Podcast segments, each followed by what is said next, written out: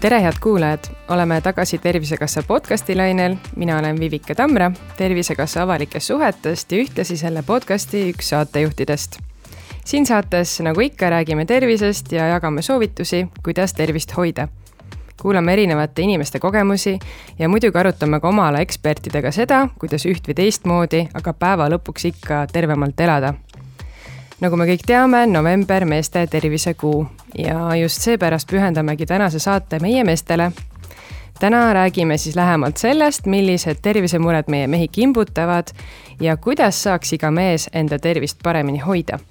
Selleks kutsusin täna saatesse ei kellegi muu kui Tartu Ülikooli Kliinikumi meestearsti doktor Margus Punapii. tere tulemast saatesse! tervist! no oma tänases vestluses me tugineme üsna palju Eesti keskealiste meeste terviseuuringule, mida siis korraldas Tartu Ülikooli Kliinikumi meestekliinik koostöös Tervisekassa ja Tervise Arengu Instituudiga. Margus, teie olite selle uuringu üks eestvedajatest. palun rääkige algatuseks, et mis oli selle uuringu eesmärk ja mis on järgmised plaanid? Nii, esiteks ma täpsustan, et nelikümmend kuni nelikümmend üheksa on ikka noored mehed veel mitte keskealised. et keskealisus hakkab sealt kuskilt noh, ütleme viie, viiekümnest peale aga mis oli selle uuringu eesmärk, oli siis eelkõige saada ülevaade Eesti neljakümne kuni neljakümne üheksa aastaste meeste terviseseisundist. eelkõige keskendusime terviseriskidele, nii üldtervise kui ka mehe soospetsiifilise terviseriskidele teine poolus oli, kuna ta oli ka üks osa pikema sõpruse päeva nii-öelda kampaaniast, siis või sellega seotud, siis oli kindlasti ka meeste tervise teadlikkuse kasvatamine läbi, läbi selle projekti ja, ja selle kommunikatsiooni. ja kolmas niisugune väikne, vaikne meestearsti ideaal oli see, et, et saada alus ka nii-öelda tõenduspõhine alus meeste soospetsiifiliste ennetavate terviseprojektide ehk tulevikus käivitamiseks no Eesti mees usub ikka, et ta on terve kui purikas, samas aga selgub sellest meeste tervise uuringust, et äh, meie meeste tervis pole sugugi nii kiita. Eesti meeste oodatav eluiga võrreldes naistega on ligi üheksa aastat äh, lühem. no miks see vahe nii suur on ja mis seisus on üleüldiselt Eesti meeste tervis? noh, seda me tegelikult teadsime, et meeste tervisega on asjad halvad äh, juba varem ja, ja tegelikult see oodatava eluea vahe oligi üks äh, põhjuseid, miks me selle projekti ja selle uuringu käivitasime, sest noh, kui me vaatame nüüd kaks tuhat kakskümmend üks, siis äh, Eesti meeste oodatav eluiga on meil seitsekümmend kaks koma kaheksa aastat ja naistel kaheksakümmend üks koma neli, see vahe on meil kaheksa koma kuus aastat täna, mitte päris üheksa noh, ta oli maksimum üheksakümnendate alguses oli seal peaaegu kolmteist aastat, kaksteist kaheksa, nii et progress on olnud. aga kui me võtame nüüd võrdluseks näiteks Rootsi kahekümne, kaks tuhat kakskümmend üks aasta andmed, siis seal on meeste ja naiste oodatava eluea vahe kolm koma kuus aastat. nii et kuskil on meil täna Eestis kadunud viis aastat meeste elueast. Ja selle nii-öelda ülesleidmiseks me selle uuringu tegelikult äh, üldse, üldse nagu käivitasime. teine, eks ole, miks me selle uuringu äh, käivitasime, oli, oli see, et me teame, et, et noh, see on nüüd Tervisekassa enda andmetel, teie, teie kodulehel kenasti leitav et mehed tarvitavad või kasutavad äh, tervishoiuteenust väga olulisel määral, mitmekümneid protsente vähem kui naised kuni vanuseni viiskümmend eluaastat. Aga mis juhtub peale seda, eriti viiskümmend viis pluss, järsku, eks ole, meeste tervishoiuteenuse kasutamine tõuseb ja mis on veel olulisem, tõuseb väga oluliselt kallimaks, kui enne oli naiste oma. see tähendab seda, et mehed jõuavad arsti juurde liiga hilja ja suure tõenäosusega juba välja kujunenud tõsisemate haigustunnustega ja nüüd ongi küsimus, kuidas leida see punkt, kus oleks võimalik seda trendi muutma hakata. Aga millised tervisenäitajad on meestel üldse siis kehvemas seisus? no kui me võtame nüüd selle uuringu, võtame konkreetselt see nelikümmend kuni nelikümmend üheksa, siis äh, minu jaoks on täna kõige suuremaks meeste terviseprobleemiks siiski ülekaal. Meil äh, jäi selle uuringu alusel äh, normaalkaalulisi või leidsime normaalkaalulisi ainult veerandi. Veerand sama palju mehi oli rasvunud suisa ja siis äh, see vahepealne pool oli ülekaalulised. ma arvan, et see on üks kõige, kõige, kõige olulisemaid riskitegureid ja sellesama riskiteguriga haakuvad ka teised riskid, noh, ütleme veel, et mis oli, peaaegu seal pooltel oli ju kõrge vererõhk rohkem kui kahekümne protsendil me leidsime madala testosterooni taseme, maksaensüümide kõrgenemise. et, et need on kõik niisugused, mis, mis seda mehe tervist aja jooksul ikkagi väga olulisel määral mõjutavad no räägime siis lähemalt sellest kõrgest vererõhust. kliiniline uuring näitas, et pooltel Eesti meestel on kõrge vererõhk. miks see nii on? see on nüüd jah keeruline teema, et, et vererõhk tõesti üle pooltel ja, ja noh, ütleme võib-olla kõige suurem seos on tõesti jälle selle ülekaaluga. aga ma arvan, et mida me seal õppisime, oli hästi huvitav, et väga suur osa nendel meestel, kellest me leidsime, kellel me leidsime kõrgemat vererõhu, oli see varem ka juba tuvastatud. aga miskipärast vaid neljandik nendest, kellel oli varem ver, kõrge vererõhk, kas perearsti juures või mingil muus keskkonnas äh, leitud, ainult äh, neljandik neist tarvitas täna, eks ole, kas ravimeid või oli oma eluviisiga muud, noh, niisuguseid muutuseid teinud, et nende vererõhk oli täna või noh, selle uuringu ajal normis et see on üks olulisemaid alarmeerivaid faktoreid, isegi kui me teame, et meil on probleem, siis me tegelikult ei lahenda seda. Noh, siin on ka see, et väga suur osa, noh, ütleme siis lõppu nii-öelda kokku, et umbes pooled mehed ei olnud üldse oma vererõhku mõõtnud viimastel aastatel. nii et, et siin on väga suur, et, et see ühtepidi tea-, terviseteadlikkus, enesekäitumine, aga ka see, et sa üldse peaksid mingisuguseid uuringuid tegema selles vanuserühmas, et see oli meie jaoks üllatav mis võib kõrge vererõhu tekkimiseni üldse viia? no ma arvan, et siin ongi kõige, kõige esimene on ülekaal, et kui sa ikkagi äh, puuda rasva omaga kaasas seljas kannad kogu aeg, siis äh, paratamatult on südamel suurem koormus ja ta peabki, eks ole, verevarustuse tagamiseks äh, tõstma, tõstma oma, eks ole, jõudu ja, ja, ja, ja, ja seda vererõhku siis äh, küllalt oluline on tegelikult ka perekondlik äh, ajalugu, et äh, geneetiline eelsoodumus ka vererõhutõvel on täiesti selgelt olemas. ja, ja mis on veel, eks ole, meeste spetsiifiline on see, et mehed söövad Eestis liiga palju soola et, et on osa, eks ole, inimesi on väga kõrgelt soola nii-öelda tundlikud, et kui ülemäärase soolaga, soola tarvitamisega on ka seotud, eks ole, päris oluline osa meie kõrgenenud vererõhkudest, et need võib-olla võiksid olla siis meie kolm kõige, kõige tüüpilisemat no te olete öelnud, et kõrge vererõhk on igas eas haiguslik ega tohiks tõusta. kui tihti siis tuleks üldse oma vererõhku mõõta? Ega siin väga selgeid üheseid äh, seisukohti täna pakkuda ei ole, et äh, aga see, me peame arvestama, et äh, tegelikult haigused noorenevad, ka meie keha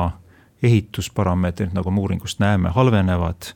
et selles mõttes mina soovitaks ikkagi kindlasti kuskil kuni vanuseni kolmkümmend eluaastat vererõhku kontrollida paari aasta tagant. kellel on perekondlikud riskid, kellel on lähisugulastel äh,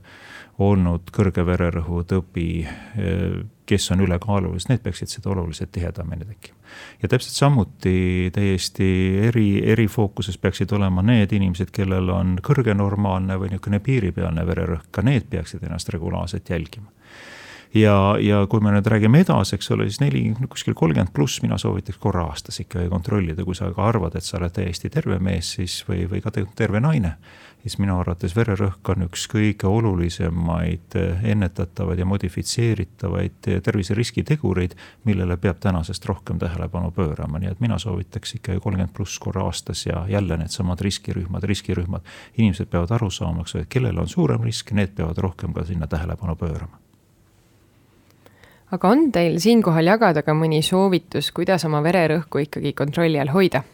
no tegelikult sellest me oleme juba kõigest kõnelenud, et, et noh, kõige tähtsam on see, et püüda hoida oma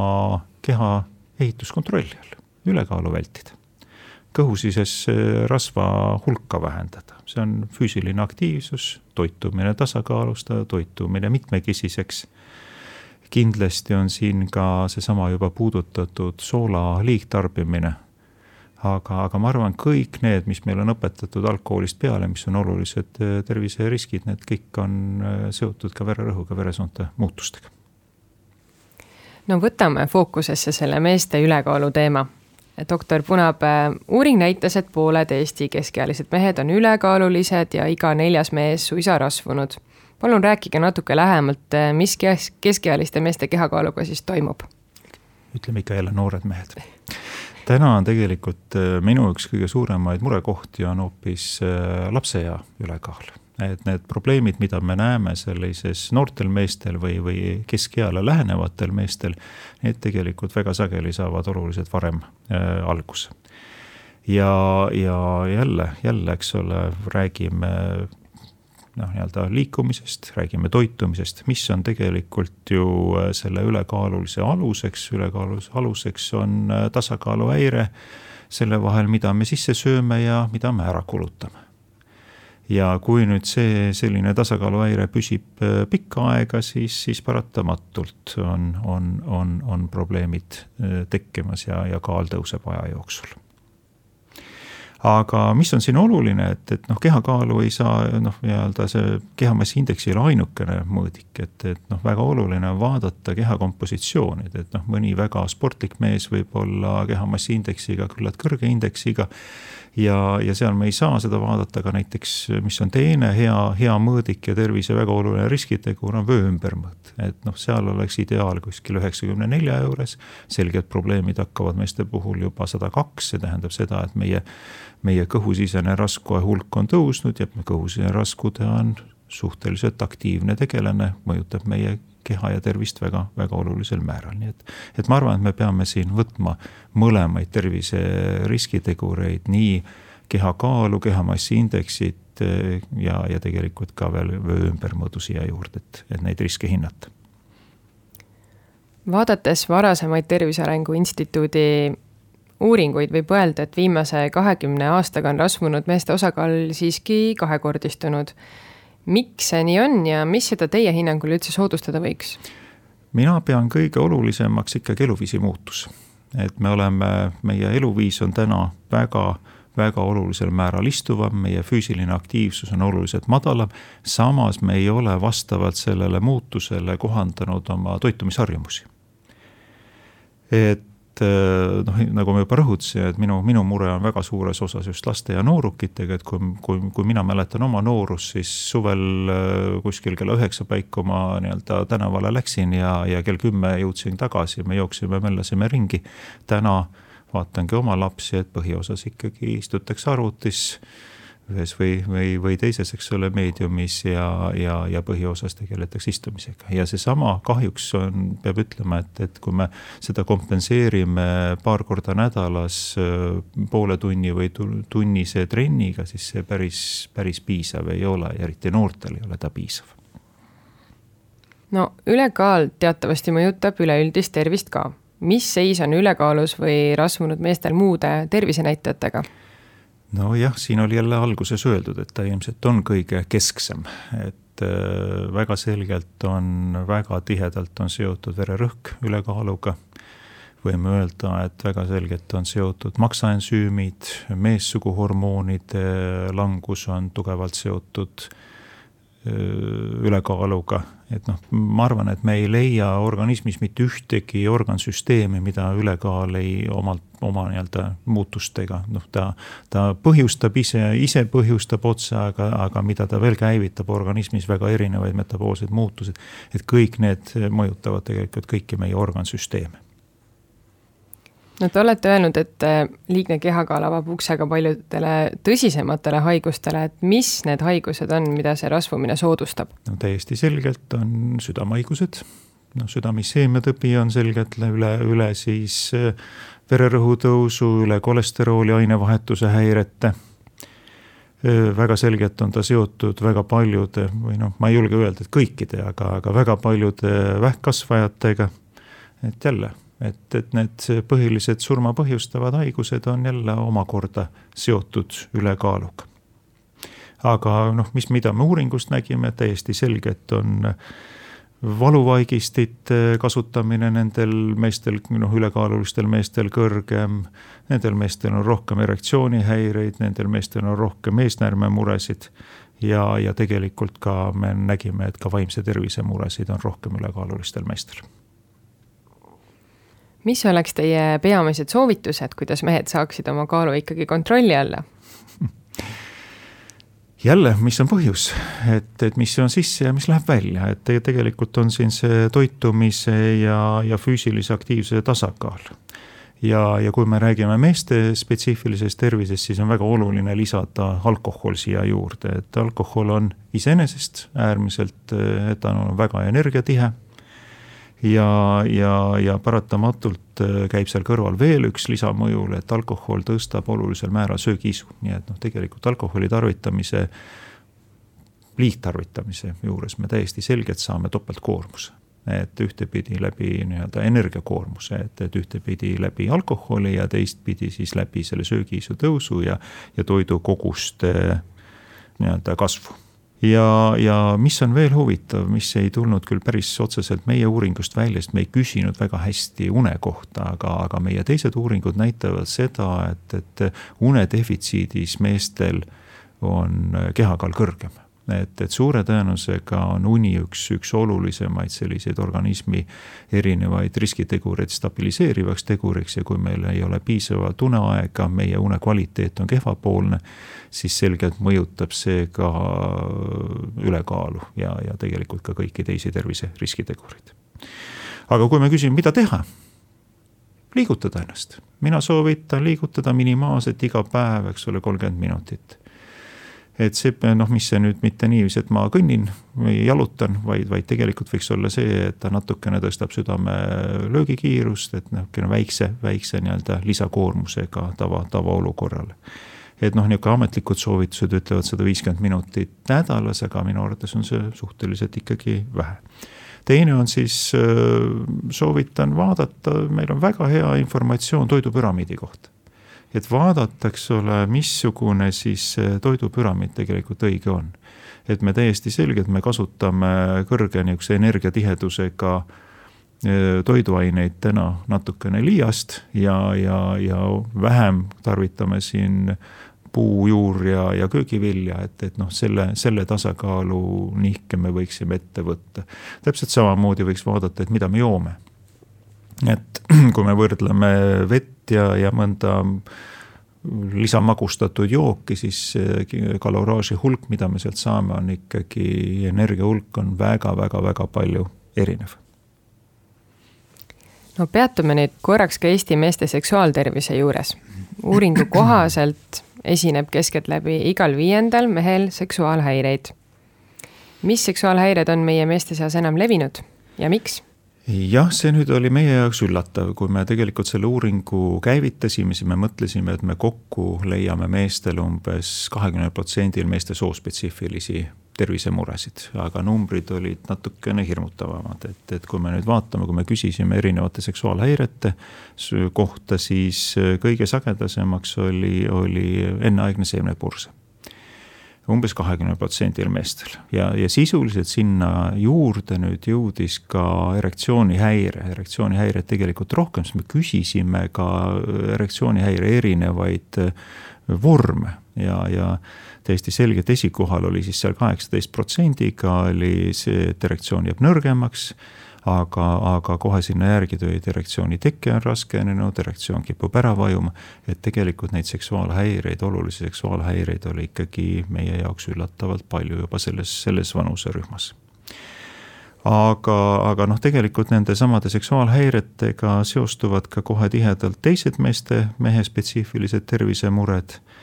nii et me leidsime, näiteks me tegime kõigil meestel ka PSA testi, mis on nüüd eesnäärmehaiguste riski või eesnäärme haiguste olemasolu hindav veretest. ja selle alusel me siis tuvastasime, et, et umbes viieteistkümnel protsendil meestel oli noh, selle testi alusel selgelt esines juba üks või, või teine või kolmas äh, eesnäärmehaigus, eesnäärmehaigused on see eesnäärmepõletik, eesnäärme healoomuline suurenemine või eesnäärmevähk, tuvastasime seal peaaegu kümmekond eesnäärmevähi juhtu. Nende, nendel meestel näiteks küllaltki noores eas juba ja, ja mis on veel, eks ole, mis seondub nüüd äh, seksuaaleluga ja mehe spetsiifilise tervisega, on vaagna piirkonna valud, et see on nüüd, äh, mida me näeme oma meestearsti vastuvõttudes väga palju, et, et vaagna piirkonna valudega meil need selles nii-öelda üldpopulatsioonis või, või kogu selles uuringurühmas oli kolmteist protsenti meestest, et see oli ka üllatavalt kõrge number ja võib-olla mis veel, et kui me nüüd räägime mehe spetsiifilisest terviseriskiteguritest, siis väga oluline on see, et, et kahekümne ühel protsendil meestel esines äh, optimaalsest madalam meessuguhormooni tase, et mitte ainult testosteroon, vaid ka vaba testosteroon, et selles mõttes see on nüüd jälle, eks ole, samamoodi nagu meil on ülekaal ja, ja kolesterool ja ja, ja veresuhkur üks, üks niisugune tsentraalseid mehe tervise riskitegureid, mis mõjutab täpselt samamoodi kõiki meie organsüsteeme, alates ajust kuni lihaskonnani välja, et, et seksuaalsus ja, ja, ja kõik muud asjad sinna, sinna sisse veel juurde. ja mis oli veel huvitav või noh, mitte huvitav, vaid tegelikult oodatav leida, oli see, et meeste äh, seksuaalhäired äh, kasvasid olulisel määral, et, et kui me võtsime, jagasime ka need uuritavad erinevatesse vanuserühmadesse, siis me nägime, eks ole, et, et see peaaegu kahekordistus selle, selle kümneaastase vanuseperioodi jooksul seksuaalhäirete esinemissagedus, et märgatavalt rohkem oli siis neid probleeme äh, just nimelt seal viiekümnele lähenevatel, nüüd tõesti sellele keskeale lähenevatel meestel. aga kui rahul üldse on Eesti mehed oma seksuaaleluga? no see on nüüd äh, mitme otsega teema, et kui me küsisime otse sellist, et, et kuidas sa oled rahul oma, oma, oma seksuaaleluga, siis kolm meest kümnest ütlesid, et nad ei ole rahul. samas, eks ole, niisugune väga rahulolijaid, neid oli ka umbes sama palju, nii et, et, et ta jaotub enam-vähem nii-öelda kolmandik, kolmandik, kolmandik ja, ja mis oli oluline nüüd et, et kuuskümmend protsenti nendest, kes ei olnud oma seksuaaleluga rahul, et, et nendel oli siis selle rahulolematuse põhjuseks suure tõenäosusega just nimelt seksuaalhäired. aga mis siin veel, eks ole, on partnersuhte kvaliteet, partnersuhte puudumine, et just see, just see hea partneri puudumine tuli siin kõrval ka väga, väga, väga olulise tegurina välja et seksuaalse huvi langust esines igal seitsmendal mehel ja, ja peaaegu siis kümnendik noh, meestest ei olnudki seksuaalselt aktiivsed üldse, kuigi noh, õnneks niisuguseid mehi, kes ütlesid, et nad on lõplikult loobunud seksuaalelust, neid olid siiski suhteliselt mõni, mõni protsent ainult. no paljud mehed ei taha ega julge rääkida oma seksuaaltervisest, kuid need mured seal magamistoas võivad ju ikkagi viidata ka päris tõsistele haigustele, et äh, milliseid probleeme võib see esile tuua?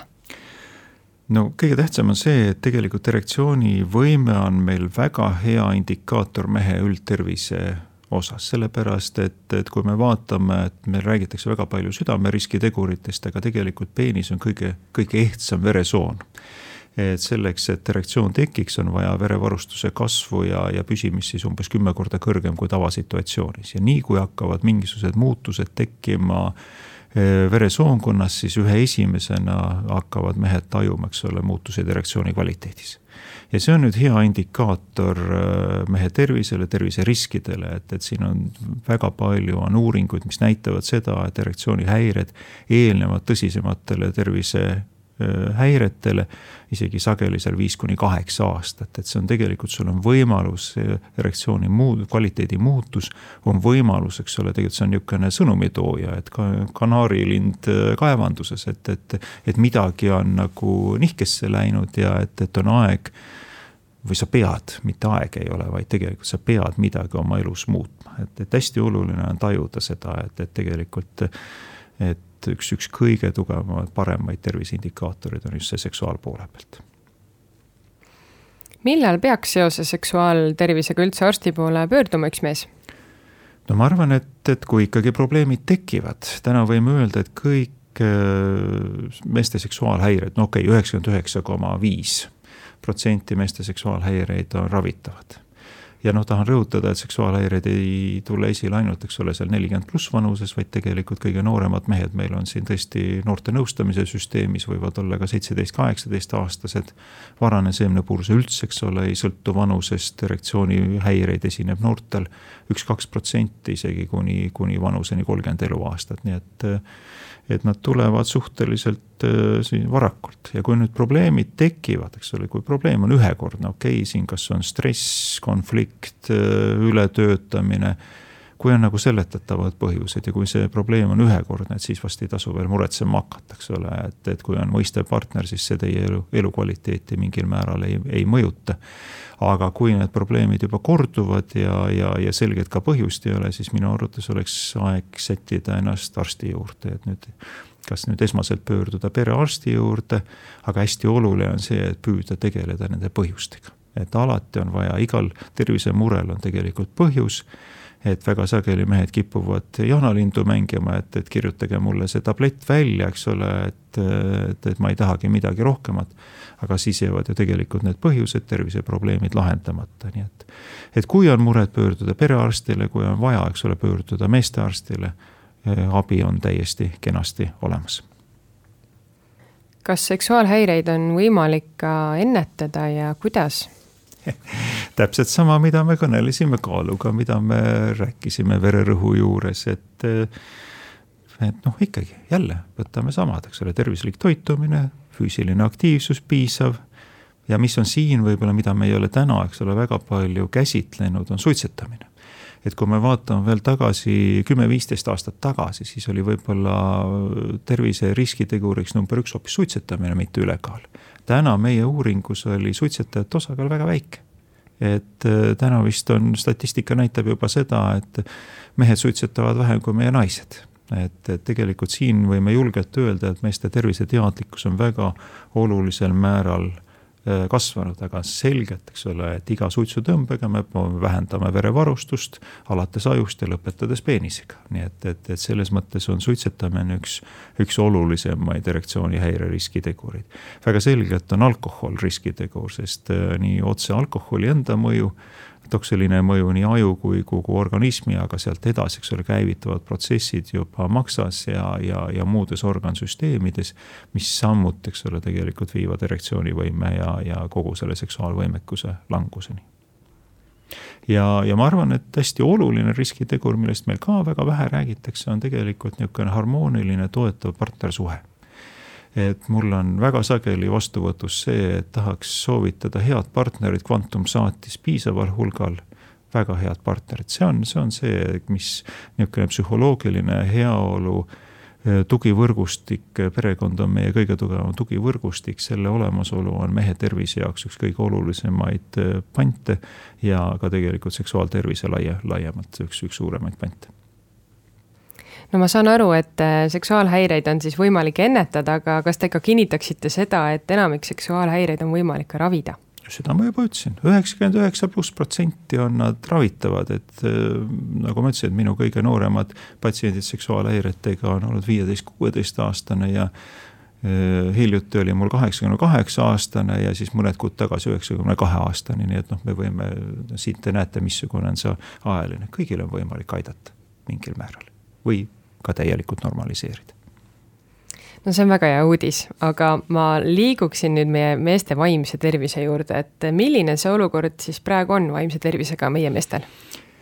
See on nüüd keeruline, et äh, selles uuringus me nägime, et üllatavalt head vaimse tervise näitajad, aga, aga me peame ka arvestama, et äh, väga suur osa meil osalejatest olid ise sotsiaalselt kõige aktiivsemad inimesed, ise, kes tulid äh, kampaania peale kohale. me küll käisime ka töökollektiivides suuremates ja, ja, ja ka perearstipraksiste kaudu aga, aga siiski, eks ole, et meil olid natukene niisugune aktiivsemad ja, ja, ja tub-, tublimad mehed, kes meil uuringutele tulid, ma kardan, et need inimesed, kes, kellel on suuremad vaimsed probleemid, nemad võib-olla oma tahteaktiivsusega siia selle, sellesse uuringusse ei jõudnud. nii et tegelikult äh, meil oli äh, noh, nii-öelda kliiniliselt nii-öelda depressiooni kriteeriumitele vastavaid, vastavate kaebustega mehi oli ainult neli protsenti. et see on tegelikult väga-väga madal, et noh, arvatakse, et see on siiski kümne-kahekümne protsendi vahele võib-olla need kergemaid või raskemaid juhte, et meil olid tõesti väga-väga terved selles. samas, eks ole, kui me vaatame nüüd erinevate komponentide osas, siis täiesti selgelt me nägime, et, et umbes kümnendikul kirjeld-, noh, nii-öelda raporteerisid meile uneprobleeme ja, ja söögiisu erinevaid muutuseid, kas suurenemise või, või ka vähenemise suunas. nii et, et selles mõttes me ei saa öelda, et neid probleeme päris ei ole, aga nii-öelda kliiniliselt olulist depressiooni õnneks ainult neljal protsendil meestest. teadagi tekitab stress ju ka terviseprobleeme, et äh, kuidas me ikkagi saaksime teie hinnangul üle sellest mehed ei nuta mentaliteedist ja mis moel saaksid siis mehed ka ise oma vaimse tervise eest paremini hoolt kanda? Oh, see mehed nuta on niisugune, noh, tegelikult on ta oluline, aga võtame selle võib-olla vaimse tervise kõige alus on äh, tasakaalukas, äh, tasakaalus elukorraldus. selles mõttes, et väga oluline on hoida tasakaalus elu, elu niisugused erinevad dimensioonid, et äh, kodune elu, tööelu vaimsele koormusele, vaimsele stressile peab kõrvale tulema, eks ole, füüsiline tegevus ja, ja nagu ma juba rõhutasin, et noh, vähemalt mina näen oma, oma kabinetis, et eh, vaimse tervise kõige olulisemaks nii-öelda garandiks või nurgakiviks ongi selline toetav pere, peresuhe. et, eh, et need on nagu hästi nii-öelda baasilised asjad, eks ole. ja, ja mis on veel, eks ole, et väga-väga oluline on, et, et mehed äh, otsiksid õigel hetkel abi, et meil on noh, väga sageli on, mis, mis on tegelikult alkoholism, mis kipub nii-öelda süvenema just nimelt selles samas vanuserühmas, nelikümmend kuni viiskümmend. Aga see on põgenemiskäitumine, see on põgenemiskäitumine selle asemel, et tegelikult oma probleemide lahendamisele aktiivselt tegeleda, on lihtsam, eks ole, võtta see pudel viina, uputada oma mured äh, selle viinapudeli sisse ja nii päev päeva kõrval, eks ole, et siis kui, kui on erektsioonihäire või seksuaalhäire, siis kui sa oled pudeli viina, et siis see niikuinii ei tõuse või naine ei tahagi sind enam, eks ole. siis, siis nagu äh, peidad selle probleemi tegelikult kuhugile ära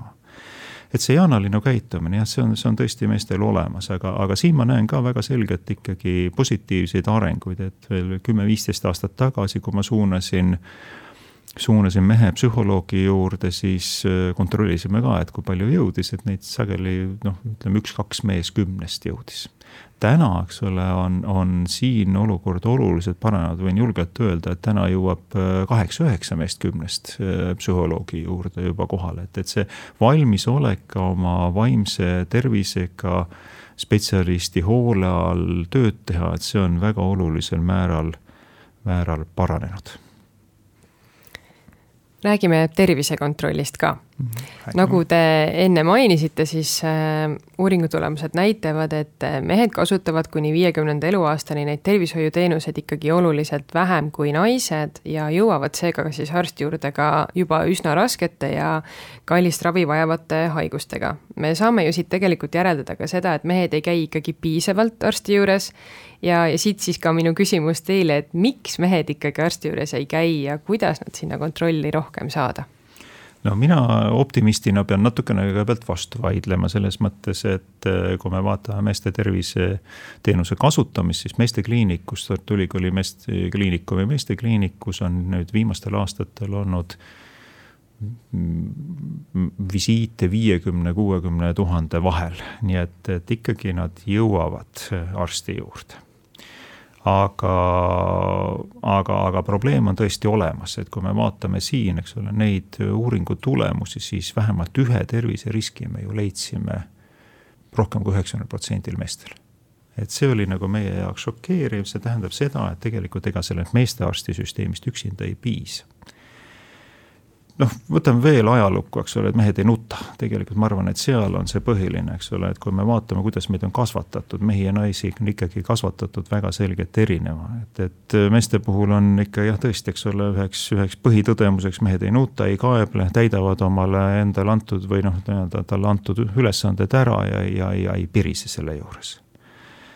ja, ja, ja see kodune kasvatus, noh täna on hakanud muutuma natukene demokraatlikumaks, et, et me ei too enam nii suuri soolisi erisusi ka kasvatusprotsessidesse sisse. ja teine pool on muidugi selgelt ka meditsiinisüsteemi puudutavad teemad, eks ole, et, et võtame ajalugu. meestearsti eriala on sada aastat noorem, kui on naistearsti oma esimesed suured rahvusvahelised organisatsioonid naistearstidele loodi tuhat kaheksasaja viiekümnendatel. Ja, ja meestearsti organisatsioonid sada, esimesed sada aastat hiljem naistel on maast madalast õpetatud, et oma tervist peab regulaarselt kontrollima. Mitte ühelegi mehele ei ole seda kunagi öeldud, eks ole, et meestel pole seda räägitud ja, ja pole ka tegelikult võimalust pakutud, et naistearstisüsteem on väga hästi arenenud. mida tähendab iga arstivisiit, see ei tähenda ainult, et sa käid günekoloogi juures, tegelikult tegeletakse sinu tervisega ju tervikuna, see on. iga, iga arstivisiit on mingil määral, kas ta nüüd on täielikult, aga ta on holistiline, et me vaatame kogu selle inimese tervist ikkagi natukene laiema pilguga ja vähemalt anname nähes olulisemaid riskitegureid, anname, anname, anname ju suuniseid. Mis on veel, eks ole, et meil puuduvad tänaseni, eks ole, meeste soospetsiifilised ennetavad terviseprogrammid. Ja, ja mitte ainult meil, vaid enamikes teistes riikides täpselt samamoodi, et võib-olla kõige kaugemale hakkavad jõudma nüüd Austraalias, kus on väga-väga suured riiklikud programmid, et, et meeste, meeste tervisega ja, ja mis on veel, eks ole, noh, nendest samast eelpool tulenevatest teemadest tegelikult tuginev, on see, et, et ka meie arstide ettevalmistus on puudulik eh, meeste soospetsiifiliste murede käsitlemiseks, et, et ei arstiõppes ja võib-olla, mis selles kontekstis või kõige olulisem, näiteks perearstiõppes ei ole ühtegi tsüklit, mis käsitleks meeste soospetsiifilist tervist, vähemalt nii-öelda professionaalsel tasandil et, et need on kõik nagu mured, eks ole, mis, mis paratamatult ka seda kättesaadavust mõjutavad ja noh, mis on veel üks huvitav, et mis mul siiamaale, et, et eile oli vastuvõtus mees, eks ole, et ütles, et teeme uuringuid ka. siis mehel juuksed tõusid ruttu püsti, eks ole, et ega, ega ta ometi kusitist testivad, et see on see ajalukku jäänud hirm kakskümmend aastat tagasi, kus siis mingisuguseid uuringuid võeti koledate orkidega kusitist, mis oli hirmus valus ja seda, seda valu, mulle tundub, et see on juba geneetiliselt edasikantuv hirm ja valu, eks ole, mis, mis, mis tabab ka nooremaid mehi. et võin öelda, et nii valusaid teste ja niisuguseid asju enam ammu ei, ei tehta. no lõpetuseks ma küsin, mida peaks mees ise oma tervise juures jälgima ja mis põhjustel tuleks tal ikkagi kindlasti arsti juurde minna no ma arvan, et kõige, kõige, kõige tähtsam on see, et, et mees peab ikkagi aru saama, eks ole, et oma tervise eest vastutab ta ise, et meil räägitakse väga palju, et abikaasa vastutab ja elukaaslased vastutavad ja emad vastutavad, eks ole. ei saa vastutada nemad, mees vastutab ise, et mina olen ikkagi öelnud, eks ole, et, et tugev mees lahendab oma probleemi, nõrk jääb koju kotile ja noh, mis on hästi oluline, et, et seesama jaanalinnu mängimine ära lõpetada, et kui sul on ikkagi mingid probleemid ja need probleemid püsivad rohkem kui kolm või viis päeva või, või jäävad korduma, siis äh, need probleemid tuleb äh, õigeaegselt äh, ära lahendada, et, et alati, kui on mingi murekoht, siis tasub ikkagi nõu pidada arstiga. kas seal taga midagi on, midagi ei ole, me näeme päevast päeva, eks ole, neid murekohti, kus kus mehed tulevad äh, kuid, sageli isegi aastaid peale seda, kui nad teavad, et mul on jah, mul on see mure juba olnud äh, kuus aastat. aga täiesti on tohutu suur vahe, eks ole, kas sa tegeled värskelt tekkinud tervisemurega või sa tekkinud äh, juba fikseerunud, krooniliseks muutunud suurte koeliste muutustega, haigusega kuus aastat peale vaevuste teket, nii et noh, tegelikult ongi see, et, et õigeaegne arsti poole pöördumine võiks seda meeste tervise selle viieaastast nii-öelda kad-, kadunud viite aastat aidata väga-väga kiiresti ja päris, päris suurel määral tasa, tasa teha.